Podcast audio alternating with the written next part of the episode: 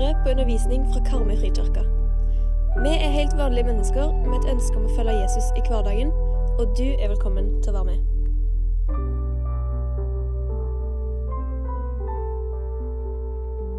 Større enn alt, det er Jesus. Og så eh, er det sånn at vi kommer sammen på søndagene, og så leser vi fra en gammel bok hver gang. Og mange av oss, forhåpentligvis alle, leser litt i den hver dag. Og så er det kanskje noen av barna og ungdommene som lurer på hvorfor gjør de egentlig det. da? Har de ikke lest den før? Så, videre. så det er noe med at uh, det er viktig. da. Og I denne tida her så skal vi altså lese et brev som heter Efeserbrevet. Og um, Ute på gangen så ligger det sånne bønnehefter. og På baksiden av den, da, hvis du vil ha litt drahjelp, så er det en sånn leseplan som du kan uh, bruke for å um, ha litt framgang da, i å få lest dette brevet. Det er veldig sånn sakte og rolig, for det er jo ikke en så kjempelangt brev. Um, jeg tenker, Det er i hvert fall tre gode grunner tenker jeg, på å lese Bibelen. Hva tenker du? Hvis du skulle tenke at det, er viktig å lese Bibelen. Hvorfor tenker du at det er viktig? Jeg kan i hvert fall på tre viktige. Og Det ene er jo at vi tror at det som står i Bibelen, er sant. Og det som er sant, ja, det må vi jo høre om. For det er så mye rundt oss som ikke er sant. Og den andre grunnen, som er kanskje den viktigste Og Da må vi liksom tenke at vi er på et sånt keramikkverksted, og så er du en leirklump. Du er en leirklump. Kanskje ikke så gøy å tenke på, men tenk et lite øyeblikk. Og så er det sånn at du kanskje håper at du skal bli en fin vase eller et nydelig fat. Kanskje, kanskje, du har lyst til å bli en statue eller et eller annet veldig fint. Da er det ikke det samme hvilken keramiker som får lov å forme deg. Men hvis du er en leirklump, så vil du at den beste keramikeren skal forme deg til det flotteste. ikke sant? Og Bibelen, den former oss når vi leser den. Vi for, blir forma ikke bare av Bibelen, vi blir forma av alt vi tar inn. Alt vi ser, alt vi hører, alt vi er med på. Det former oss. Så det er ganske mange ting som former oss. Og hvis vi vil at Bibelen skal forme oss, ja, da må vi jammen lese den. Og Den tredje grunnen det er jo at Bibelen er ny hver dag. Det er en levende bok. Det er ikke sånn at fordi vi har lest det før, så er det bare gammelt nytt. Nei, den kan forme oss hver dag og gi oss noe nytt inn i vår situasjon. Akkurat som nesten litt sånn magisk. Så Det er i hvert fall tre gode grunner til å lese i Bibelen hjemme og, og der du er. Og Vi skal altså lese dette her brevet som heter Efeserbrevet.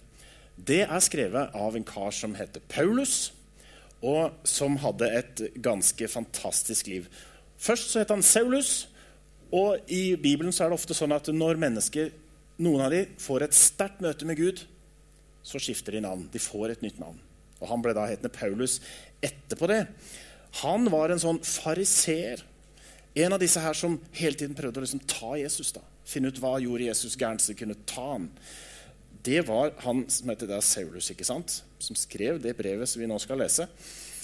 Han ville ta de som trodde på Jesus, fulgte han. Og han var knallivrig. Og En dag var han på vei for å arrestere noen av disse kristne som han da mente tok feil. Så møter han Jesus på veien, som sier til han, 'Saulus, hvorfor forfølger du meg?' Og så ser han bare et lys, og så hører han en stemme. 'Herre, hvem er du?' sier han. 'Jeg er Jesus, han som du forfølger.'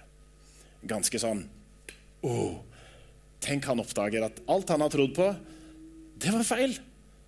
Det var helt annerledes. Det er en ny sannhet. Og da bruker vi det uttrykket at han ble omvendt. Og det er klart, Hvis jeg vender meg om nå, så ser dere en helt annen side. Som kan kanskje være litt mindre kommunikativ hvis det bare ser ryggen min.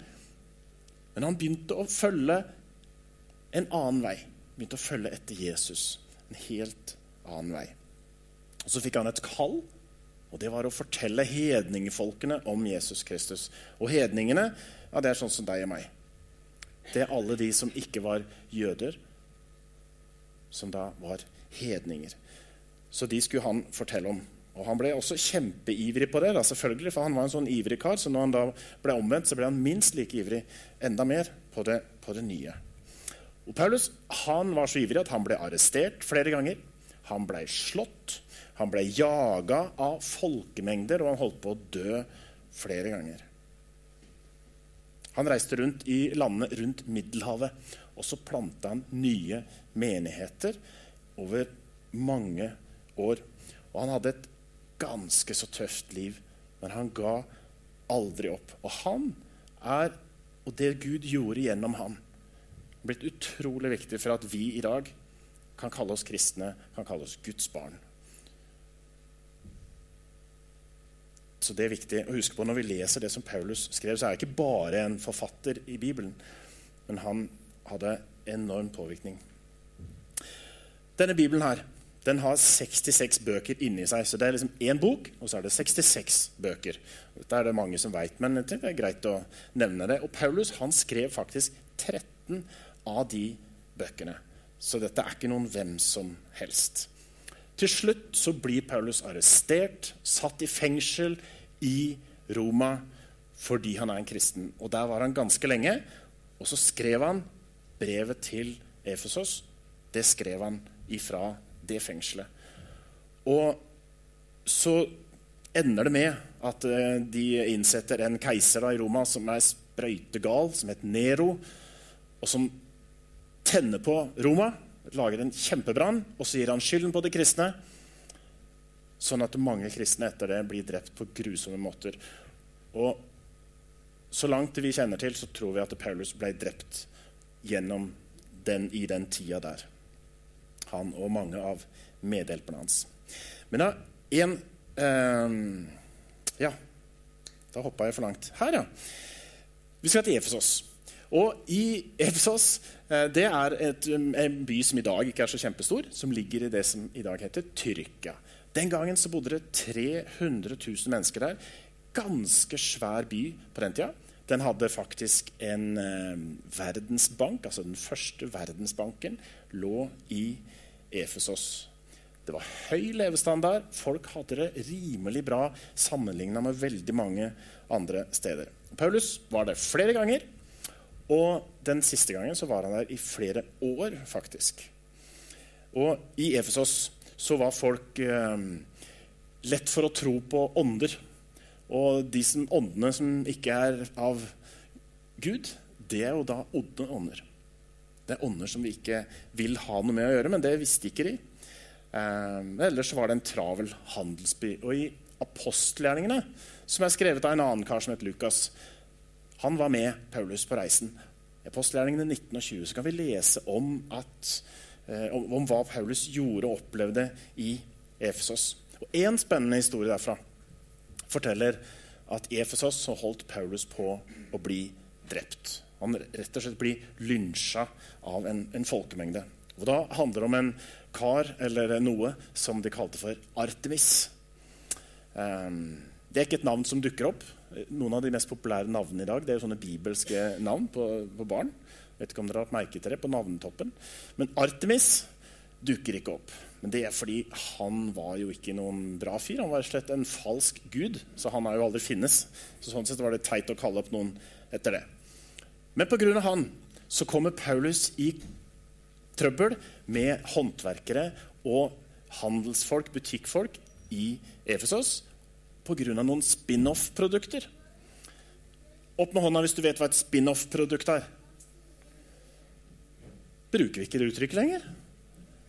Det er rett og slett sånne ting som blir laga hvis det kommer en film, Frost, Eh, en film som er sikkert ikke ny engang, da, men i hvert fall solgt Frost-håndklær, Frost-såper, Frost-caps, Frost-gensere, Frost-dokker. Ting som ble solgt pga. et eller annet. ikke sant? Det heter spin-off-produkter. Og det er ikke et nytt begrep, for dette skapte store problemer for Paulus i den tida der. For eh, denne Artemis da, som de tilba, han trodde jo de var en ordentlig gud. Og de var så gira på denne guden at de bygde et vanvittig svært og flott tempel. Som det er bitte litt rester av i dag.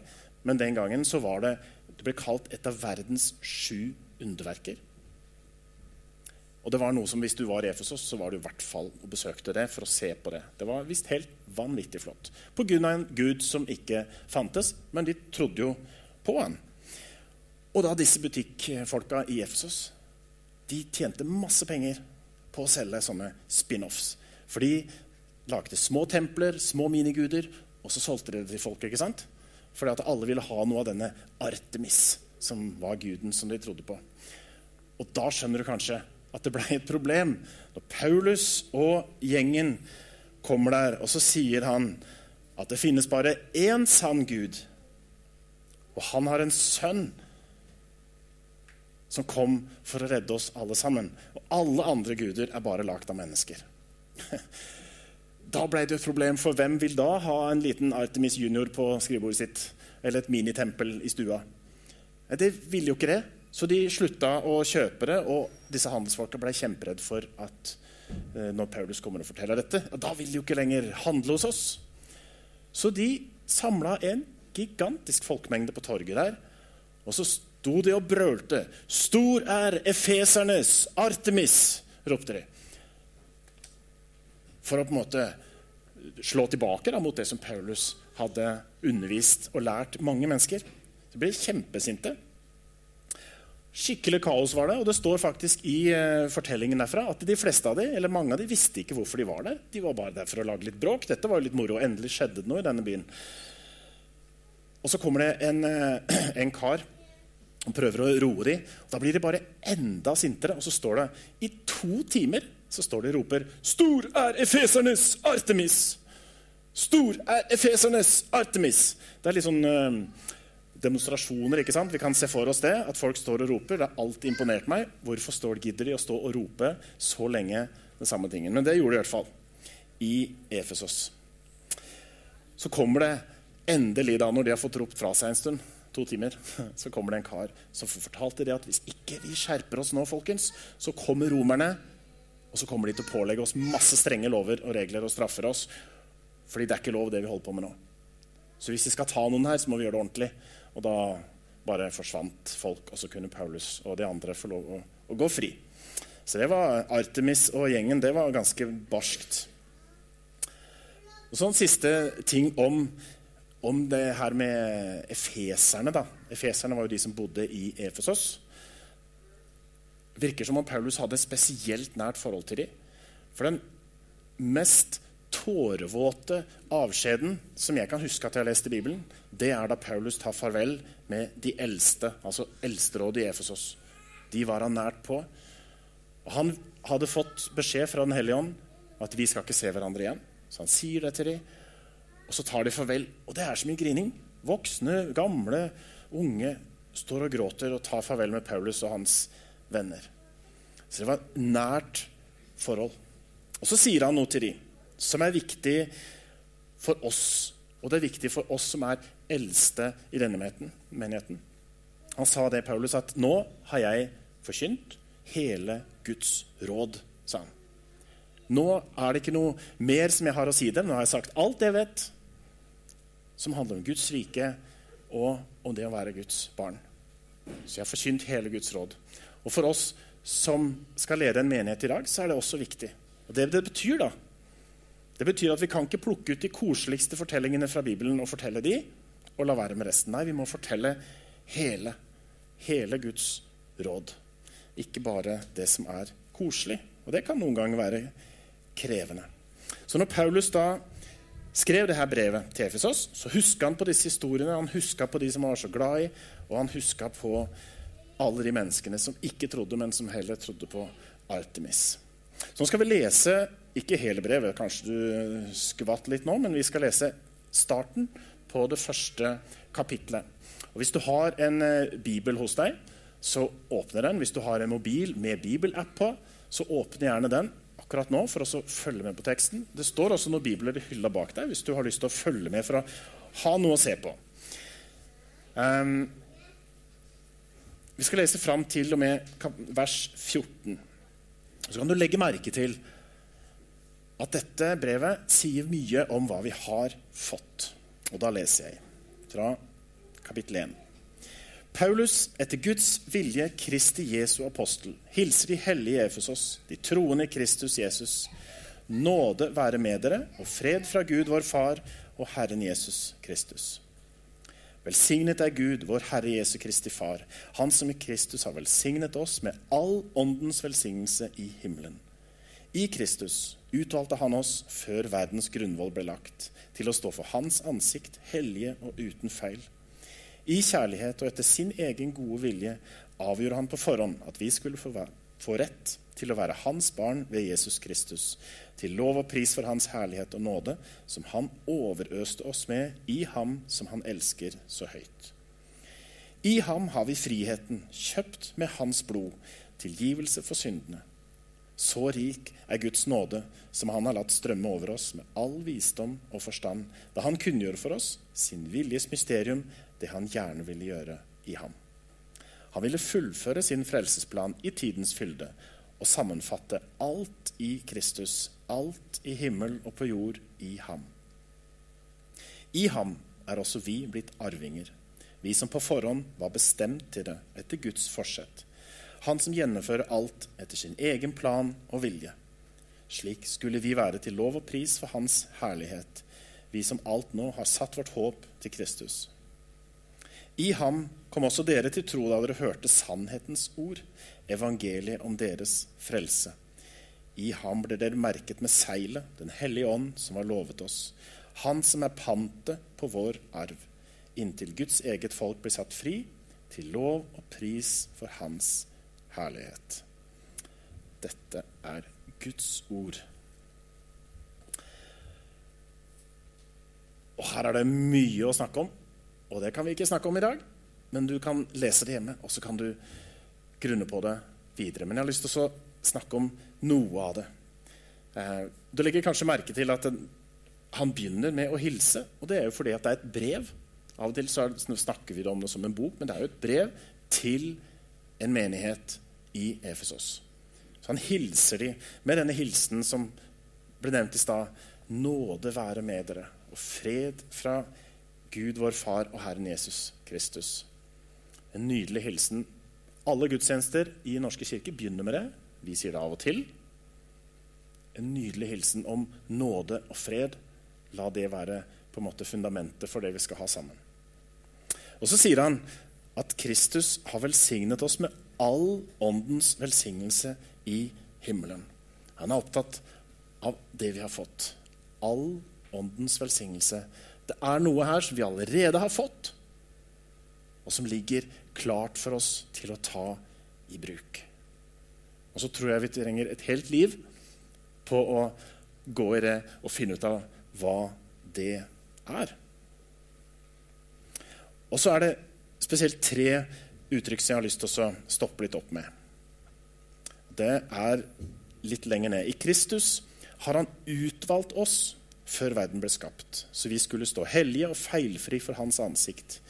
I kjærlighet har han av sin egen frie vilje forutbestemt oss til å få barnekår hos seg ved Jesus Kristus.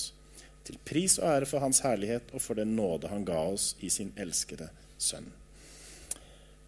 Vi er utvalgt, og det er en kjærlighet der. Og så er det barnekår. Og Det å være utvalgt det er jo litt sånn hvis du tenker deg at uh, det er gymtime, og så skal det være fotballkamp. Og så er det to elever som tas opp, ikke sant? Må aldri gjøre det. så skal de stå og velge lag.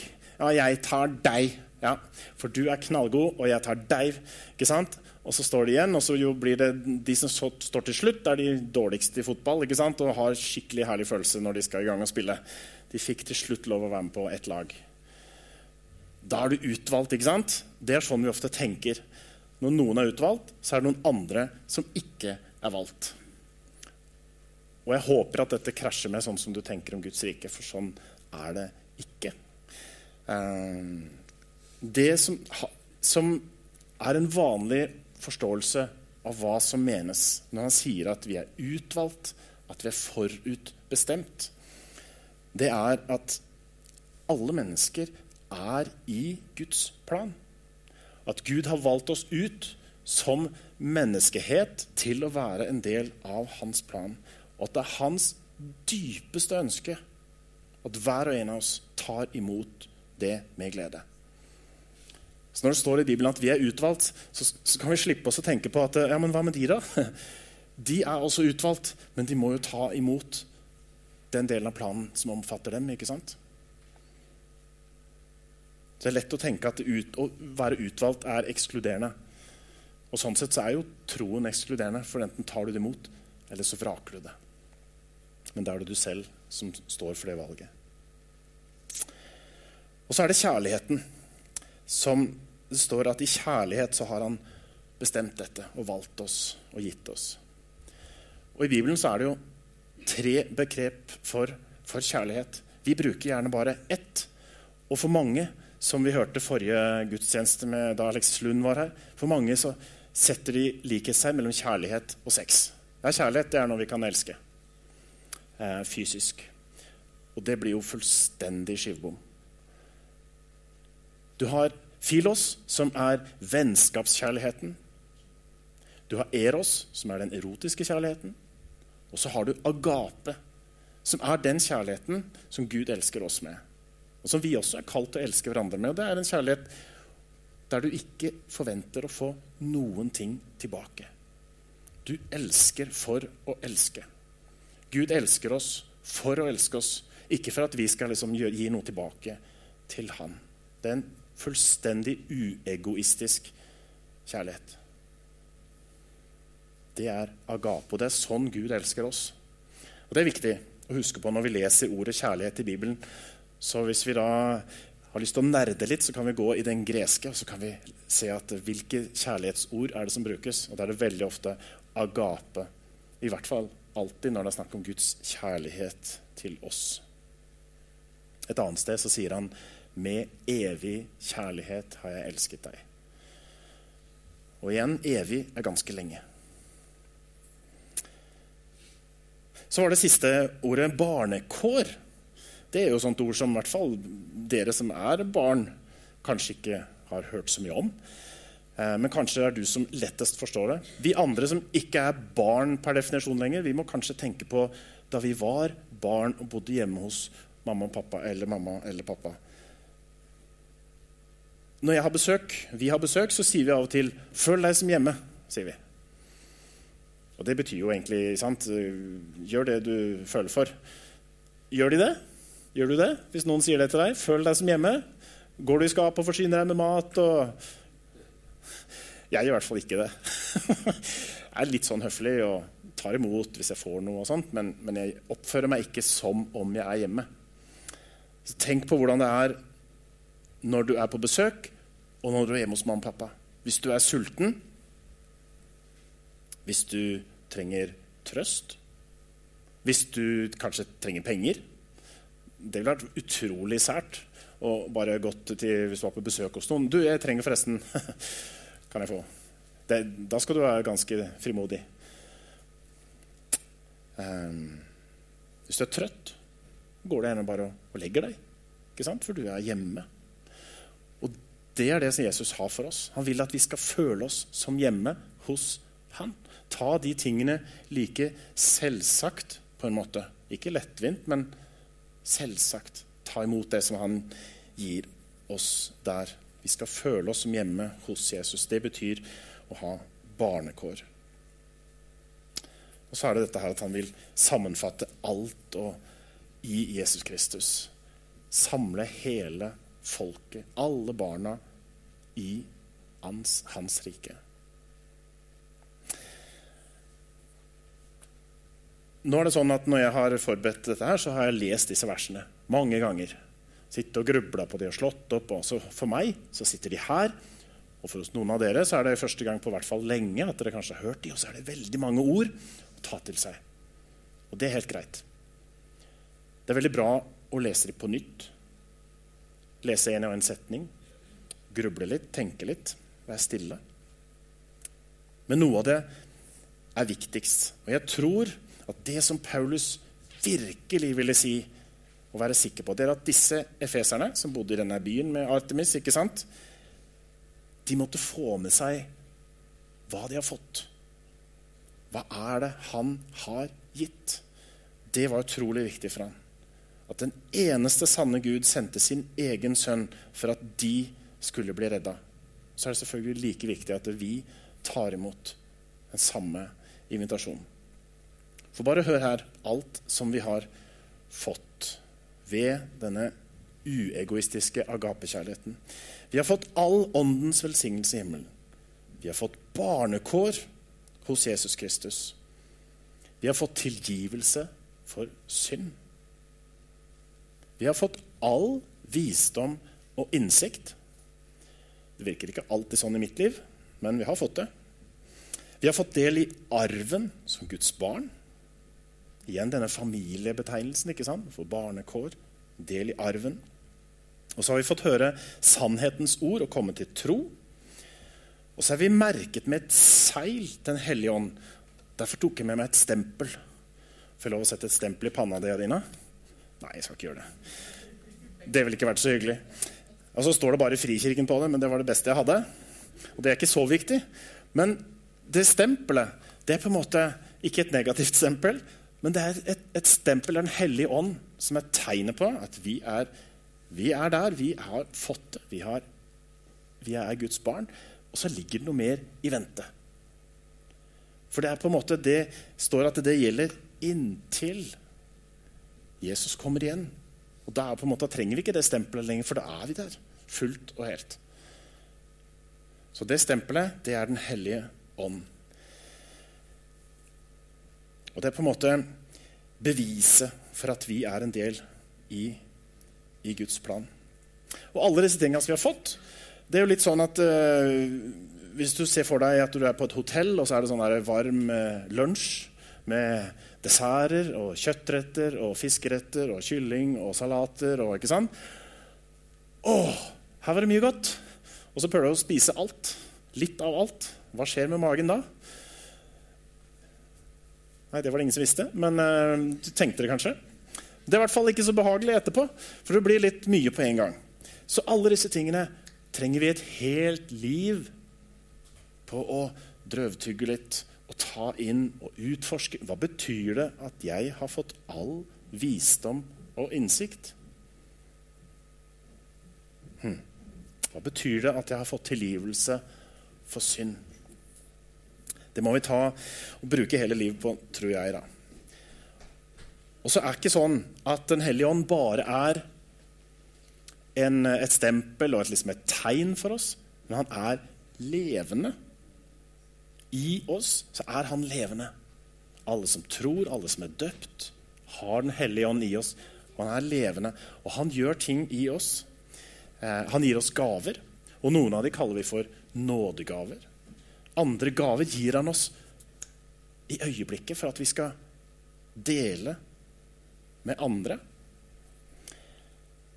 Og Kanskje eksempel, har du sittet i denne gudstjenesten her, så har du sittet en eller annen tanke som har kommet, og som ikke du skjønner helt hvor kommer fra.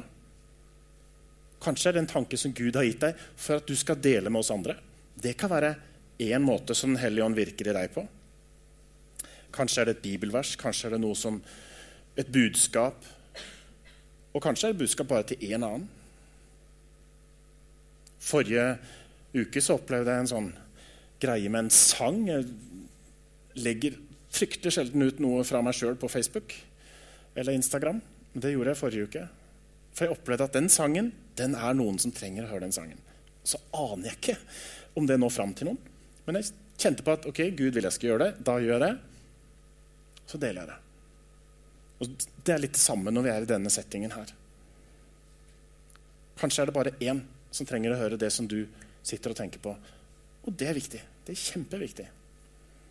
Jeg tror jo ikke for mitt bare at alle dere syns det er fantastisk å sitte og høre på meg i 20 minutter, halvtime.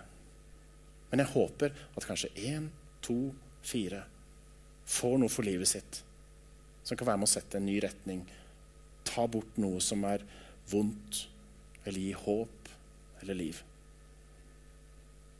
Det er sånn vi må velge å, å arbeide. Kanskje er det noe som Helligånd ber deg om at du skal gjøre i dag eller i morgen. Sånn virker han. Vi skal snakke mer om dette her seinere i, i, vår og i høst, om dette med, med disse gavene. Eh, men det handler litt om å være lydig. da. Igjen dette som er barn.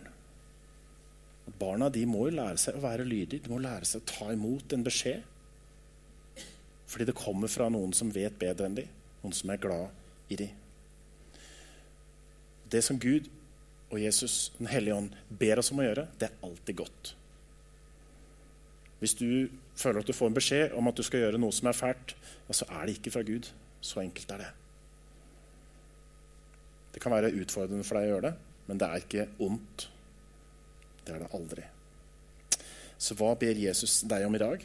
Hva har du hørt i dag? Ta imot det og handle på det og gå videre i det. Og så kan du også lese videre i Efesbrevet hjemme. Takker deg, Herre. Takker deg for ordet ditt. Takk for den uendelige kilden som ditt ord er, og som du har gitt oss. Takk, Herre, for at vi kan eh, hente visdom, kraft og trøst, legedom, innsikt Takk at din agapekjærlighet eh, gjennomsyrer hele ditt ord. Derfor kan vi være trygge på at det er godt, selv om det ikke er forståelig for oss alltid. Takk, Herre, for det som du taler inn i hver og en av oss. At vi får lov til å ta imot forskjellige ting.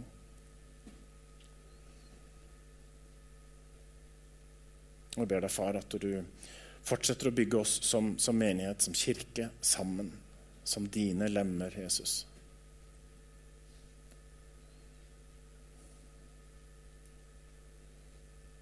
Jeg mm. ber din velsignelse over alle her, over alle menighetene rundt oss som, som samles og som søker deg. Jeg ber deg, far, om at ditt ord må forme oss sånn som du vil.